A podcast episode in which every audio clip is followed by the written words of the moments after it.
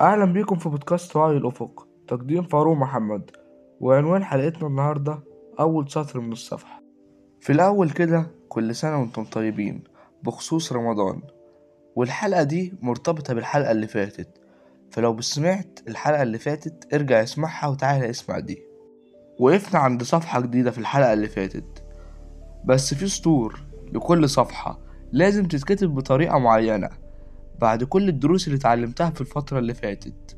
وانت حاليا شخص بقيت متعافي خلاص. الحلقة اللي فاتت أنا كنت بكلم شخص مدمر نفسيا.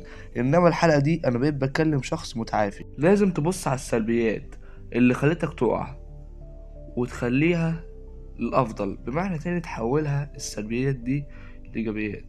معظم مشاكلنا دايما إن لو اتحطيت في موقف بشوف بعدها إن كل الناس وحشين مثلا. وده أكبر غلط.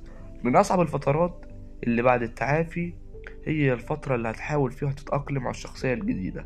في حاجات هتفتقدها وفي حاجات هتفرح إنك اكتشفتها وكده يبقى تعديل السلبيات.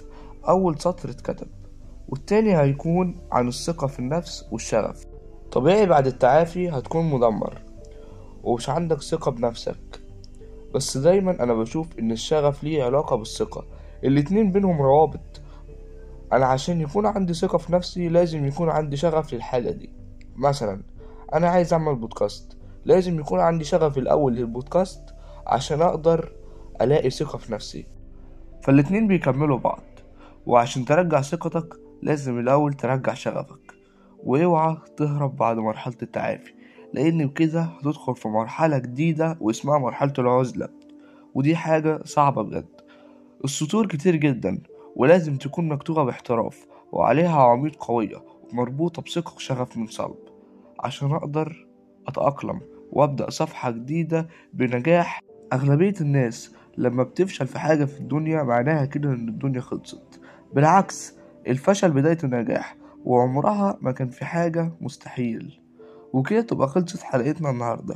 وسؤال حلقتنا النهاردة إيه السطر اللي لازم تبتدي بيه في حياتك؟ وتقدر تجاوب على صفحة تويتر واسمها بودكاست وعي الأفق.